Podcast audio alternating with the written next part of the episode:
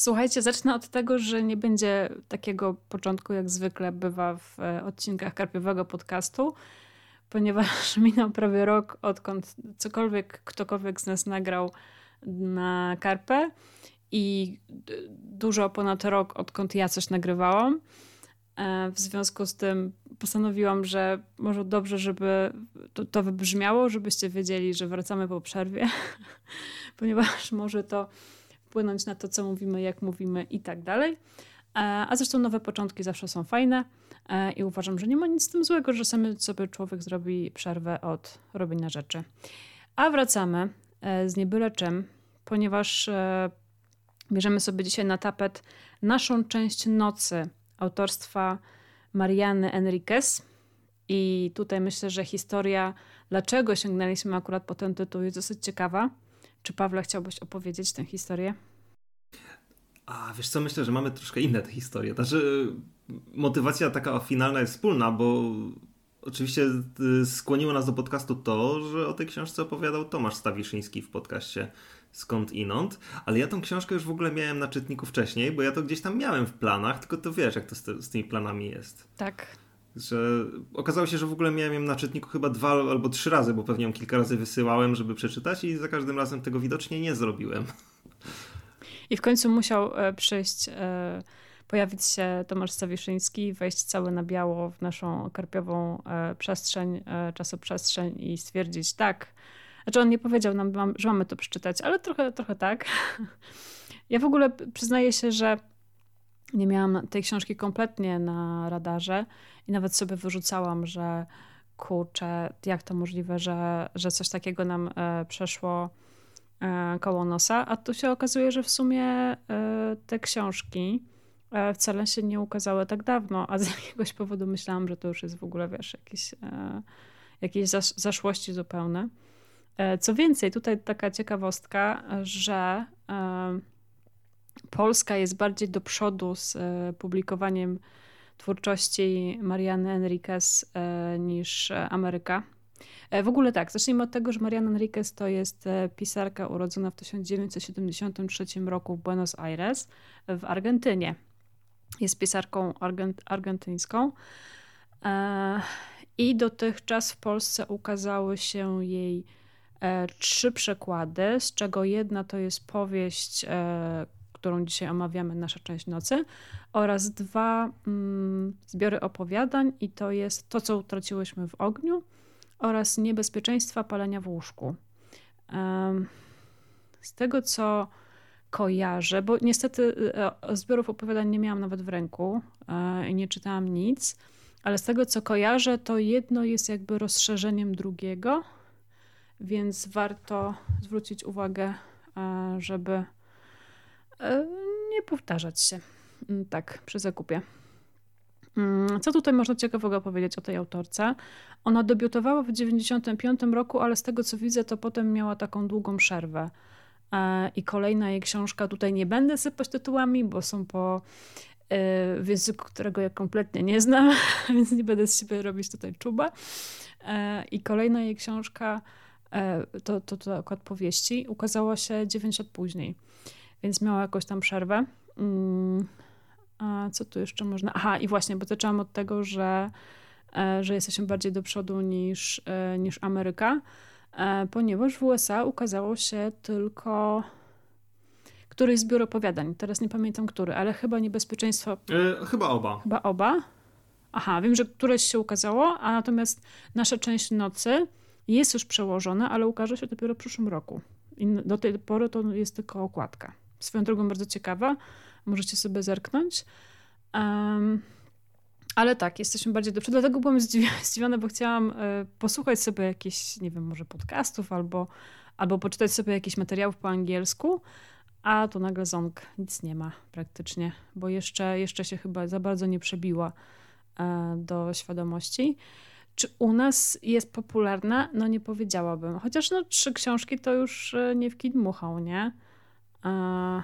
Ja mam wrażenie, że to jest, wiesz, chyba zresztą podobnie jak na rynku anglojęzycznym, to troszkę taka pewnie bardziej pasja e, kogoś, kto to przekładał. Myślisz? Takie mam, wiesz, przeczucie, no, że wiesz, jeśli ktoś trzy książki przełożył, w sumie to przyznam, że tutaj mogę walnąć gafę, bo I nie właśnie wiem, to czy sprawdzam. tłumaczyła to ta sama osoba. I właśnie to sprawdzam, to jest ciekawa informacja. Marta Bo Jordan właśnie- przetłumaczyła Mhm. opowiadania. E, Naszą część e, nocy. też Marta Jordan i Katarzyna O. Okrasko. Swoją drogą, jak już, jak już mówimy o tłumaczeniach, to oczywiście wiadomo, to jest mój konik, e, więc e, chciałam serdecznie pozdrowić e, panie przekładające tę książkę, ponieważ widzę, że mają ten sam problem z nadużywaniem słowa ale. I naprawdę nie wytykam, tylko chciałam zauważyć, że było mi bardzo miło, że nie tylko ja, że nie tylko ja nadużywam ale i że ale dla mnie jest takie fajne, dla nich też. I było mi po prostu bardzo miło. E, I chciałam jeszcze zauważyć, że czytałam trochę opinii na Lubimy Czytać. Wszyscy kocham, Tak, tak, wszyscy ja kochamy opinie na Lubimy Czytać. E, I ktoś tam oczywiście użył s- starego, dobrego argumentu, że no ta książka to taka napisana tak niekoniecznie, ale to na pewno tłumaczki. to na pewno tłumaczki. Ale swoją drogą to czytanie opinii na, na Lubimy Czytać e, przed nagraniem podcastu jest w sumie przydatne, dlatego że e, natchnęło trochę moich uwag. E, to znaczy, oczywiście przejdziemy do tego później, bo oczywiście robimy teraz zupełnie bezsensowny wstęp o jakichś pierdołach. E, ale ludzie zwracali uwagę na ciekawe znaczy, zwracali uwagę na rzeczy, na które bym nie zwróciła uwagi i w taki negatywny sposób, że, e, że nie wiem, że na przykład sceny horrorowe się nagle, po, nagle się pojawiały, nagle się kończyły i w ogóle foch i znowu trzeba było czytać ileś tam kilkadziesiąt stron jakiejś głupiej obyczajówki, żeby znowu było mięso. Także, także uważam, że ta część e, naszych przygo- moich przygotowań była bardzo pouczająca. Mm, Co jeszcze ciekawego można powiedzieć o Marianie Enriquez? E, Ty mi, Pawle, przesłałeś link na YouTube'a do jakiejś rozmowy z nią i jeszcze z kimś, kogo zupełnie nie znam. I szczerze mówiąc, odniosłam wrażenie, e, że ona jest taką, mm, tak jak się mówi, że o kobietach, że ktoś tam jest kimś tam w spódnicy, to ona jest takim orbitowskim, y, no dobra, w spódnicy, a w sumie była w spodniach, ale, ale przez to, że, e, że, że miała tę koszulkę e, The Ramones za, z, obok e, bardzo poważnych panów w koszulach. E, tak, i taka była w ogóle taka rockowa i, i, i tak, takie odniosłam wrażenie. E, co w sumie zgadza się z tym, bo, że, że zdarzyło się komuś, chyba Zwierzchowskiemu, porównać ją do, e, jak to on ujął, m, młodego Orbitowskiego. E, Właśnie, w sumie ciekawe pytanie, czy byś się zgodził, że to jest młody Orbitowski?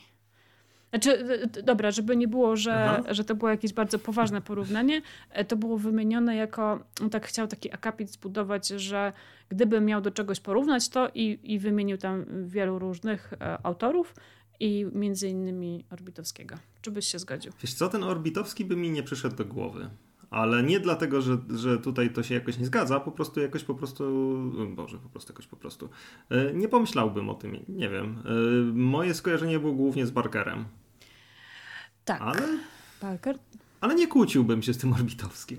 Przy czym Barker jest dobrym, na swój sposób dobrym skojarzeniem, ale bardziej tematycznym chyba, bo e, mam wrażenie, że Barker jednak pisze obrazami, a Mhm. Mariana to tak, ona nie, ona nie przeginała z opisami.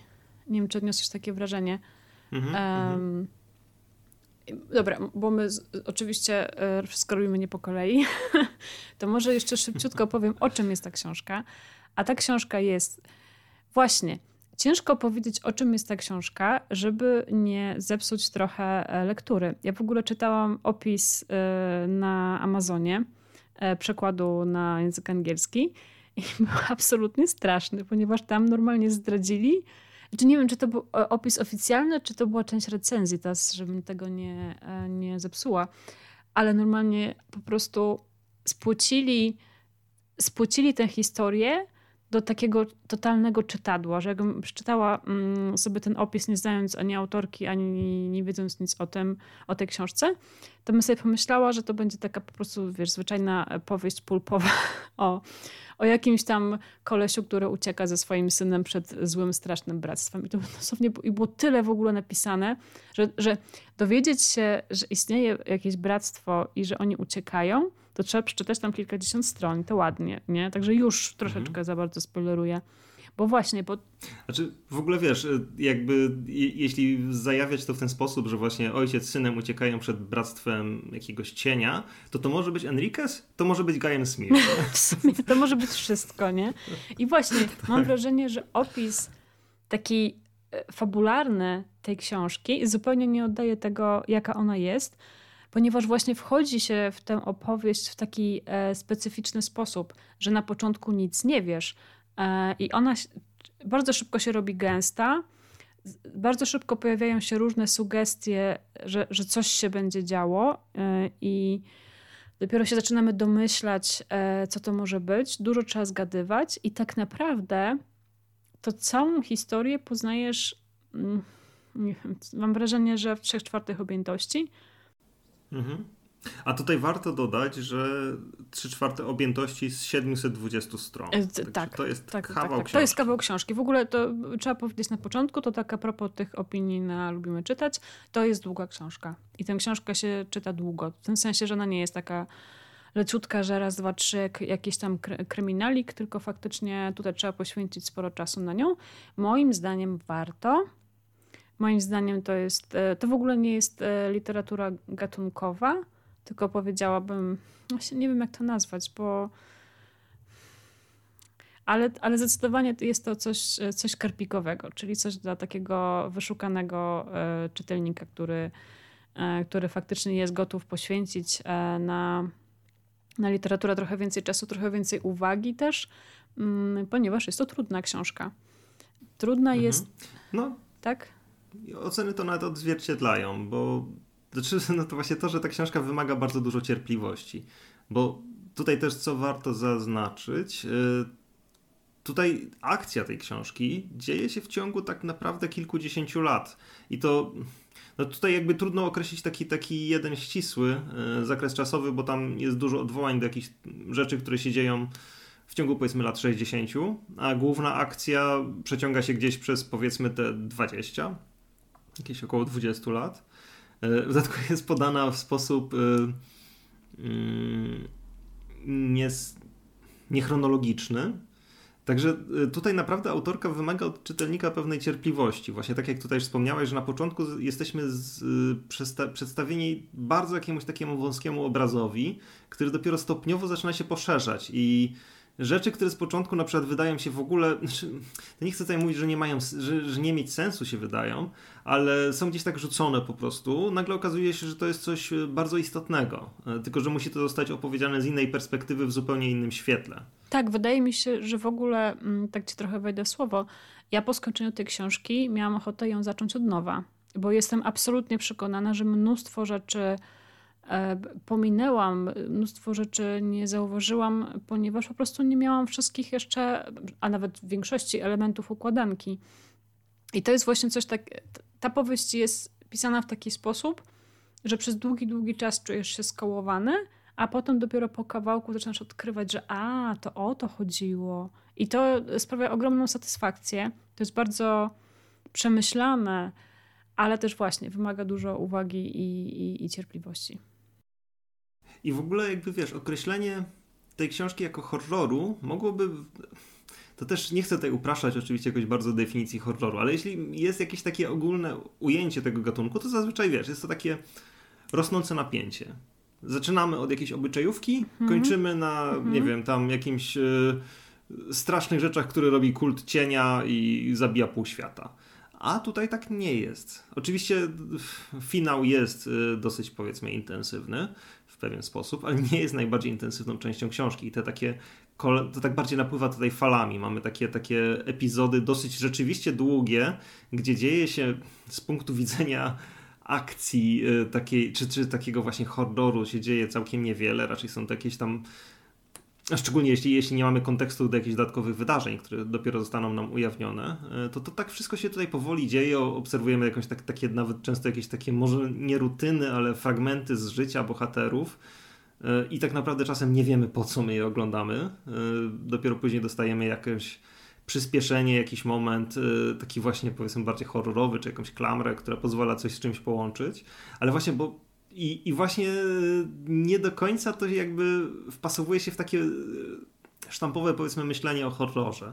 I, I w ogóle jakby tutaj samo to straszenie, w sensie wiesz, takie, takie wywoływanie powiedzmy lęku czytelnika, też nie, nie wydaje się być jakimś takim głównym celem. Ja w ogóle też tak się zastanawiałem, czy to też oczywiście nie jest jakieś kombinowanie, ale czy to nie, nie byłoby łatwiejsze do określenia tej powieści jako na przykład opowieść okultystyczna niż horror, bo tutaj te elementy horroru są nie czymś stricte straszącym, tylko otwierającym na jakieś takie właśnie wiedzę tajemną, powiedzmy. Czy wiesz, e, tutaj jeżeli mówisz, że coś jest horrorem, to masz bardziej na myśli to, jaki efekt wywo wywołuje, a jeżeli tak. mówisz, że to jest powieść okultystyczna, to masz na myśli bardziej temat. Więc mi się wydaje, że one jakby mhm. jedno i drugie istnieją obok siebie, a nie zamiast, więc nie wiem, czy to cokolwiek pomaga.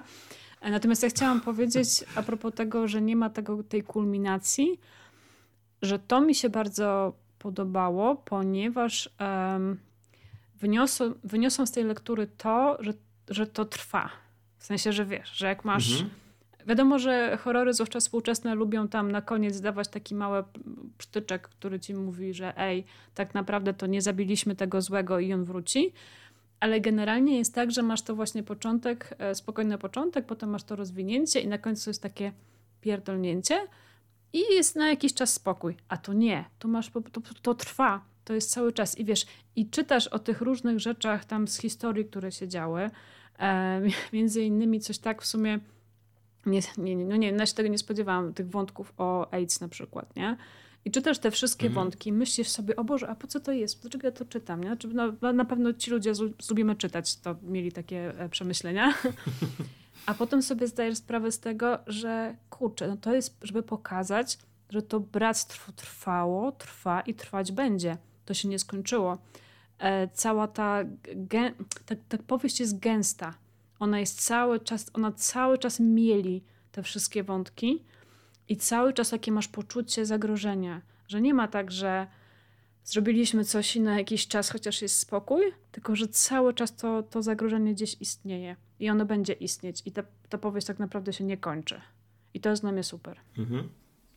Tak, i dodatkowo, co jeszcze jakby to uwydatnia, to jest e, ta zmiana w narratorach, bo tutaj właśnie nie dość, że mamy e, przeskoki czasowe, to też e, historia, znaczy właśnie narratorzy w większości chyba są trzecioosobowi, ale jakby opowiadając perspektywę. Perspektywa się y zmienia, tak. Tak, zmienia się perspektywa i zresztą nawet formy literackie. I w ogóle nie, nie wiem, czy też miałaś jakieś takie podobne odczucia, że właśnie zupełnie jakby to momentami czytało się różne troszkę utwory. Znaczy to jest było bardzo spójne, ale na przykład ta, ten pierwszy segment y, o Juanie, tak, jeśli dobrze pamiętam, mhm gdzie, gdzie on był głównym bohaterem. Ja w ogóle miałem takie wrażenie właśnie troszkę, że to jest takie trochę barkerowskie, a troszkę mi się kojarzyło z Cormaciem McCarthy. Właśnie przez ten taki minimalizm i wiesz, taka powieść drogi. I przez tego ojca z synem, właśnie... nie? Też były takie porównania. Tak, tak, dokładnie, to taka droga, no. Mhm. Więc, więc to była taka powieść drogi. Później dostaliśmy, jeśli dobrze pamiętam, wątek e, Gaspara. I to, I to był taki orbitowski. Nie? Tak, tak, tak. Właśnie tak, tak, taki, wiesz, taki horror, powiedzmy. Ciepło. Mhm. Tak. Taki, taki, może nie, że young adult, ale tak sięgający do tych takich e, motywów dzieciństwa magicznego. No tutaj oczywiście troszkę brudnego i paskudnego i, tak, i, pełnego jakichś koszmarów, jako, traum. Jako odrobinę specjalistka od Young Adult zapewniam, że nie, nie, znam jeszcze takiego, które by było aż tak gęste i tak... No tak, tak. Mhm. No, później dostajemy reportaż przecież, cały rozdział, który jest reportażem. E, później wracamy znowu. Aha, jeszcze, jeszcze, jest, jest ten Rosario. wątek taki. Tak, która ma taki. Nie wiem, Chyba jak najmniej mi się Trosz, podobał. Troszkę... A mnie ale taki bardzo, dekadencki. Ale to był. dlatego, że. Tak, tak, tak, właśnie tak, taki dekadencki. E, później znowu wracamy do Gaspara, i, i, ale już starszego tak, Gaspara. I, I to też jest znowu innego. troszkę inna literatura. Tak, zupełnie innego Gaspara, tak, tak. Są ci, bo, ci jego koledzy y, i koleżanka i tam dziewczyna też jakby rozwijają się ich wątki mocno. Mhm, mhm. Więc jakby tutaj też yy, ciekawie właśnie się do tego sięga, szczególnie, że to też tak wytrąca troszkę z równowagi, że nagle yy, nie dość, że dostajesz jakiś duży przeskok czasowy, yy, właśnie to, to w kontekście tego właśnie że to nie jest książka do szybkiego czytania, bo tutaj nagle po przeczytaniu, nie wiem, tam 150 stron, gdzie już się zaczyna mieć wrażenie, że coś się kuma z tej, tych relacji między bohaterami, przeskakujemy do zupełnie innego wątku, innego narratora, w innych czasach i musimy się tego uczyć od początku. Całe, całe, całego jakby wczuwania się w tę historię. Tak, ale... I oczywiście to, to się z czasem składa w coś, nie? Właśnie, właśnie... za każdym razem inaczej. Właśnie chciałam powiedzieć, że ale, że jednocześnie, wiesz, wskakuj... jeszcze raz, jednocześnie wskakujemy w coś nowego, ale w sumie to coś nowego nam pozwala zrozumieć e, to, co było już wcześniej. I na przykład mhm. opowieść Rosario mi tak w ogóle zmieniła postrzeganie e, jej postaci. Kompletnie, po prostu kompletnie. Mhm. I wręcz strasznie mi się to podobało, że wiesz, postać takiej kochającej matki, którą sobie tworzysz e, jakoś tam między wierszami, bo oni tak w sumie niedużo o niej mówili i była tylko tak mimochodem wspominana nagle, nagle się okazuje kompletnie różną, kompletnie inną osobą. Bardzo mnie to zaskoczyło. I to, co mi się w sumie bardzo podobało w tej powieści, to absolutne e, odejście od e, biało-czarnych postaci. Tam nie ma dobrych ludzi. Nie? Tak, I tak, wchodzisz tak. w tę mhm. powieść na początku i myślisz sobie, nie no, Juan to jest taki kochany tatuś, nie? Nie, nie, bardzo. Znaczy nie powiem, że szybko, bo w tej książce nic się nie dzieje szybko, ale, ale po, potem po prostu dzieją się rzeczy, po których sobie myślisz, oh my god, nie. Tak, tak. No właśnie jego wątek jest pod tym względem chyba taki najbardziej e, intrygujący, bo on jest postacią, moi, znaczy właśnie z jednej strony właśnie taką... Ofiarą, nie? No, ale on w ogóle dla mnie od początku był strasznie niesympatyczny. W sensie czujesz jakby, że jest tam jakby, on, że on jest taki zmęczony, że jest tam jakaś troska, ale jednocześnie właśnie on od początku jest taki jakiś, nie wiem, taki zimny. Tak, ale tak nie? tak chcesz podskórnie go tłumaczyć, no bo, no bo ciężko tak, tak, mu tak, było, no. bo on jest zmęczony, bo jest w sumie już u kresu sił, ale na pewno jakby mhm. jest powód tego, bo przecież niemożliwe, żeby nie było, przecież to jest figura ojca, nie? A potem się okazuje, że... A potem się okazują różne rzeczy. Ale w sumie Gaspar też jest taką postacią. Zaczyna, się, zaczyna jako dziecko, mhm. więc w ogóle bardzo mnie uderzyło to, w jaki sposób było przedstawione jego taka niewinność, ale jednocześnie bardzo taka naiwna niewinność, a jednocześnie jak on się jako dziecko przyzwyczajał do pewnych rzeczy, że pewne to takie, to co nas wstrząsało, dla niego było, wiadomo, że ojciec mu to jakoś tłumaczył, nie pamiętam już teraz e, w jaki sposób, ale pamiętam, że, że tłumaczył mu to tak, żeby Gaspar nie był przestraszony, żeby to zaakceptował, żeby tego przede wszystkim nie odrzucił, bo to było istotne, żeby tego nie odrzucał. Ale właśnie sam fakt, że, jako, że on był dzieckiem i, i zderzał się z czymś takim i właśnie nie odrzucał tego, no bo był dzieckiem, bo dzieci się przyzwyczajają do wszystkiego, nie? Mhm. E, tak, jakby nie mają jeszcze, nie miał jeszcze zupełnie poczucia, że to jest coś nie, że coś jest nie tak, i potem go spotykasz drugi raz, jak już jest dorosły i on już wie. I on już wie. on już wie, on już ma z tego powodu problemy psychiczne i tak dalej. I, I właśnie, i myślisz sobie, że on tak dużo przeżył, to trzeba go wytłumaczyć, nie? Ale nie, bo on mhm. E, jest e, też dupkiem. E, I nie wiem, czy zwróciłeś, znaczy na pewno zwróciłeś uwagę na wątki tego, jak on traktuje tą swoją przeszywaną rodzinę, tego wuja i, mhm. i jego żonę i, i w sumie później dzieci okropny też był. Mhm. Także, także tak, to mi się podobało, że to pokazuje, wiesz, takie odejście od takiego naiwnego myślenia, że nie wiem, że trauma uszlachetnia. No nie, no. Mhm. Trauma sprawia, że jesteś bardzo dziwnym człowiekiem, który robi okropne rzeczy. I to w tej książce bardzo mocno wybrzmiewa. Bo właśnie te, to bractwo takie jest, że tak nasyca wszystkich tym złem, nie? Że masz tam takie, taką, taką gradację zła po prostu, że są, jest ta Mercedes, która w ogóle robi takie rzeczy, że ja po prostu czasami za głowę się łapałam. Jak, jak... Ja czasami czytałam te zdania dwa razy, żeby się upewnić, czy, czy, ja nape... czy, czy ja dobrze złożyłam te literki. I właśnie, i tutaj jeszcze y, też sobie zapisałam taką uwagę, która mi się wydaje bardzo istotna. i trochę nawet już o tym wspomniałam, że tak jak Barker pisze obrazami, tak nie wiem jak pisze Mariana, ale strasznie beznamiętnie. Ale nie w takim złym znaczeniu, tylko ona to opisuje tę te, tę ciemność, te, te, te, jakby przejawy ciemności i zła wśród ludzi w taki sposób, jakby to była. W... Um, bohaterowie książki mam wrażenie, że, że nie boją się tego, zwłaszcza jeżeli jest, jest narracja Juana, no to on to w ogóle przyjmuje jako coś zupełnie normalnego. E, na przykład była scena, w której nie powiem komu, bo to byłby spoiler, ale zabiera usta. I to była najbardziej beznamiętna scena, scena zabierania komuś ust, jaką przeczytałam kiedykolwiek e, w literaturze. I jednocześnie przez to była najmocniejsza nie? Że jakby była jakby odarta zupełnie z wyrzutów sumienia, z przeżywania, ze strachu i nawet sobie zapisałam, że, że moim zdaniem ten styl to jest dokładne przeciwieństwo tego, co robił e, Lovecraft. Czyli jak Lovecraft pisał, mhm. że coś jest, chciał opisać coś strasznego, no to pisał, że to jest tak straszne, że ja nie mam słów, jakie to jest straszne. A ona po prostu nie użyła w ogóle takich, takich e, epitetów. W ogóle nie, nie jakby opisuje to w taki strasznie nie, nie, sposób. W sensie, że w ogóle nie uwypukla niczego. Niczego nie podkreśla, mhm. tylko pisze jak jest. Rozumiesz?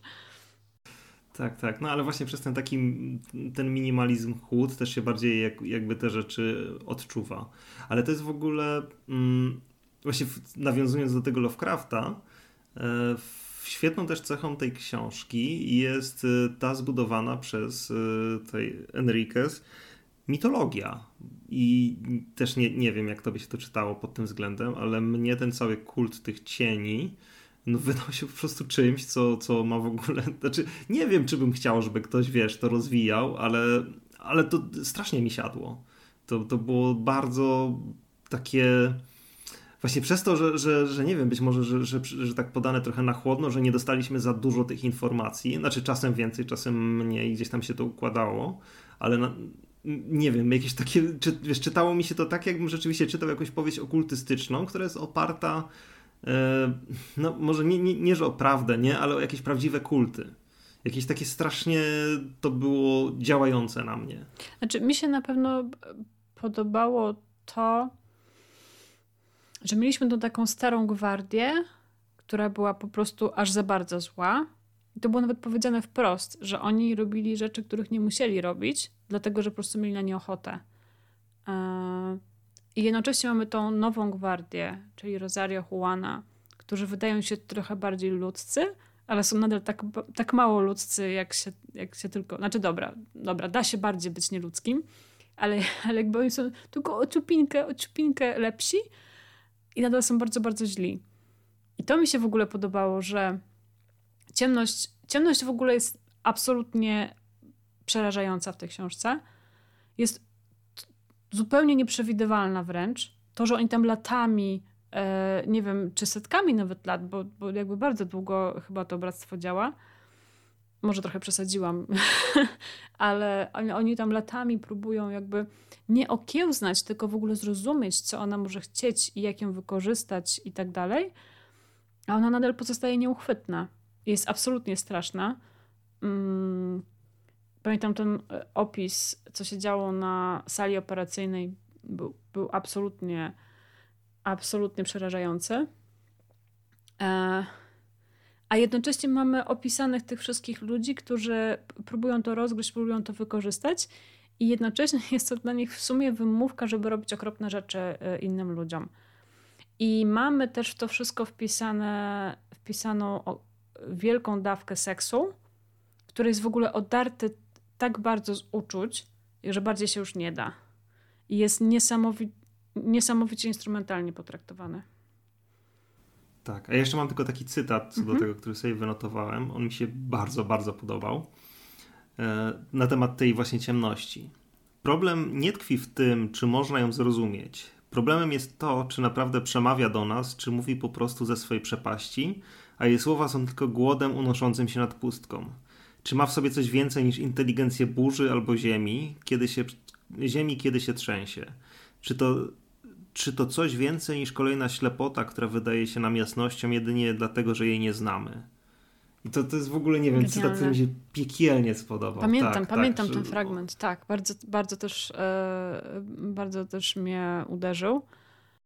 Szczególnie to porównanie do burzy jest dla mnie tutaj jakieś takie bardzo działające na wyobraźnię, bo tu rzeczywiście mamy do czynienia z czymś, co przychodzi, robi... Rozpierdol.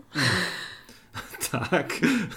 I znika. I, no, I coś zabiera. Coś tak. może czasem zostawia I ta naiwność tych złych ludzi, że będą robić rzeczy, które sprawią, że okiełznają tę ciemność i wykorzystają. Wiesz, oni, bo oni mam wrażenie, że, że, że czują ogromną fascynację tą ciemnością, i, im, i, i, wiele sobie dopowiadają. I to jest bardzo, mam wrażenie, mm, dosyć. Co taką fascynację i dumę z tego, że to my rozmawiamy z nią, tak. gdzie nawet nie wiedzą, że rozmawiają.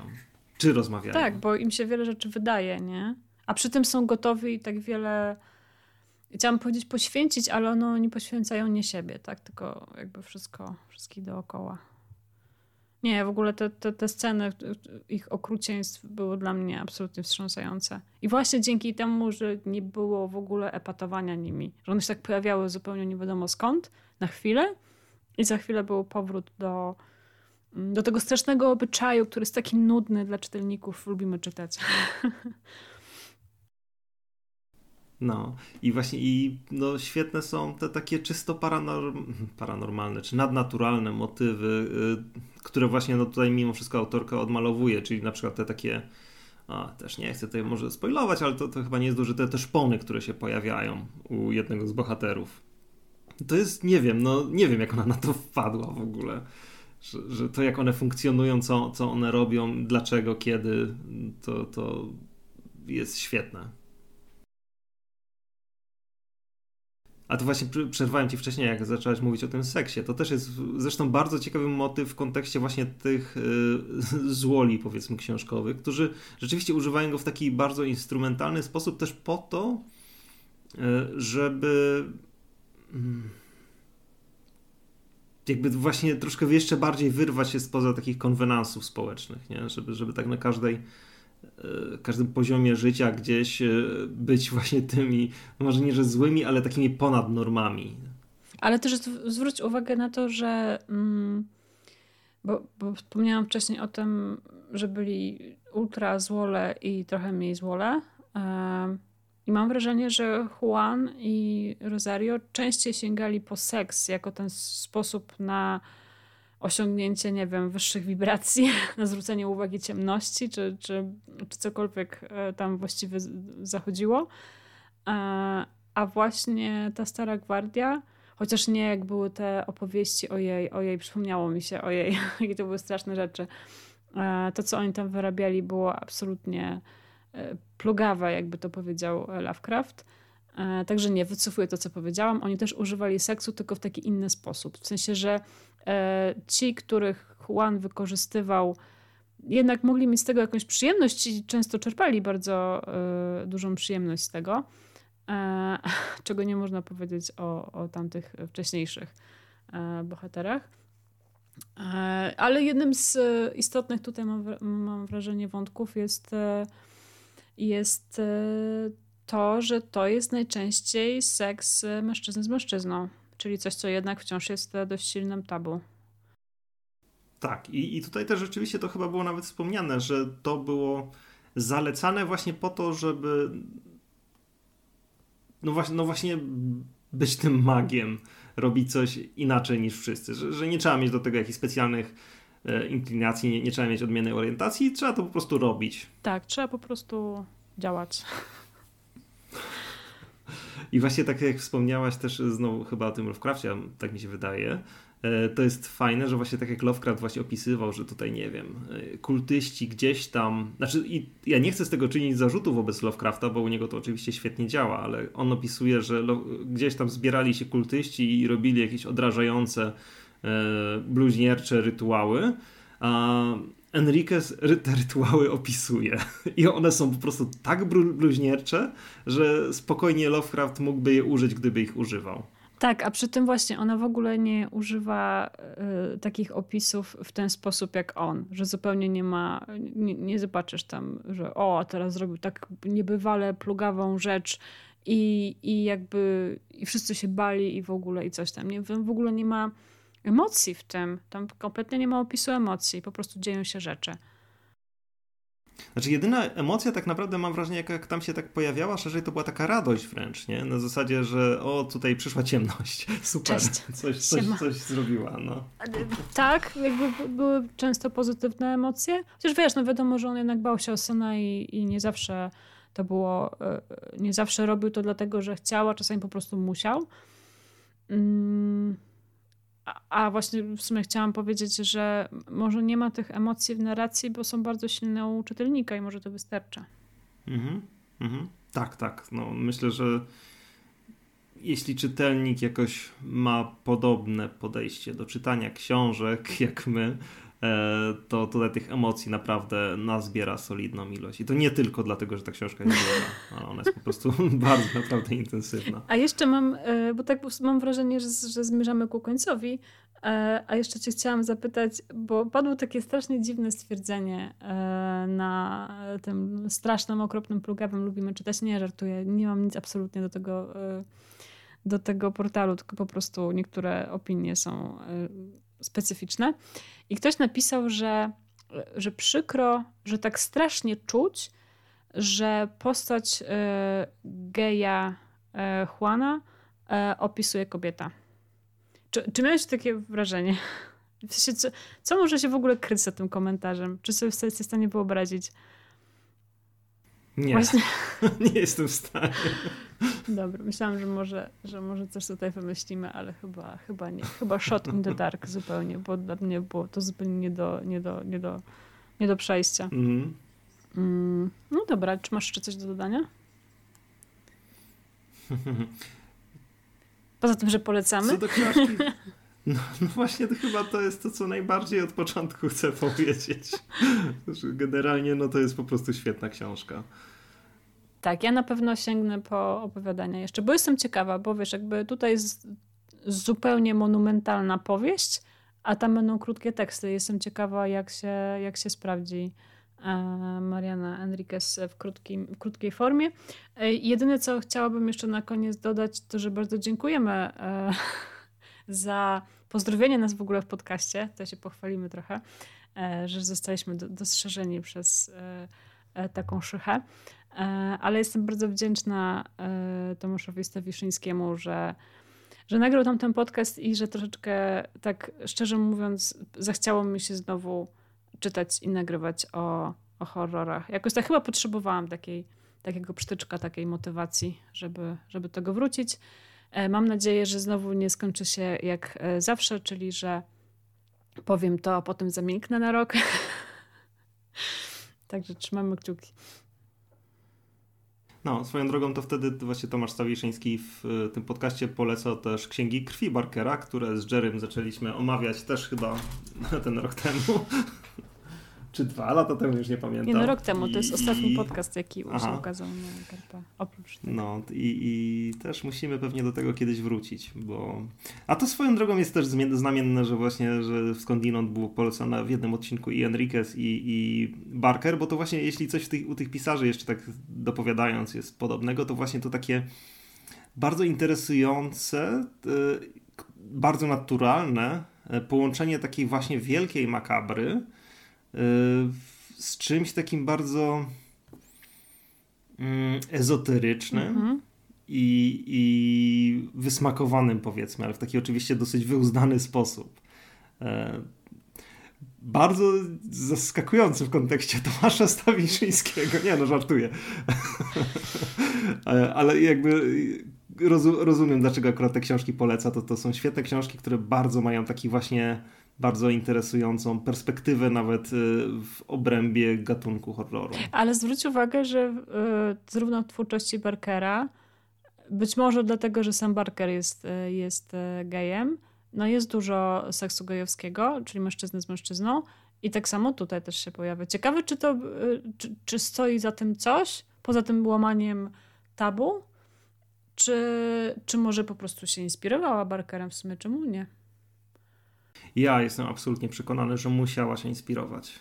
Jeśli ktoś lubi Barkera, to naprawdę ja myślę, że, że u Enriquez będzie się świetnie bawił w kontekście tej książki. To też takie niefortunne słowa. Ja, chciałam, ale... ja, ja myślałam, że dokończysz, że jeżeli ktoś lubi Barkera, e, to może czuć silną potrzebę pisania scen e, seksu gejów.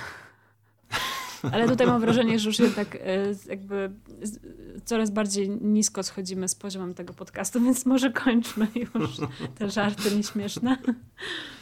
E, także tak, e, polecamy Wam bardzo serdecznie, jeżeli tylko macie tydzień wolnego, to 730 parę stron książki Mariany Enriquez, Nasza część nocy, na Was czeka. I bardzo, bardzo zachęcamy.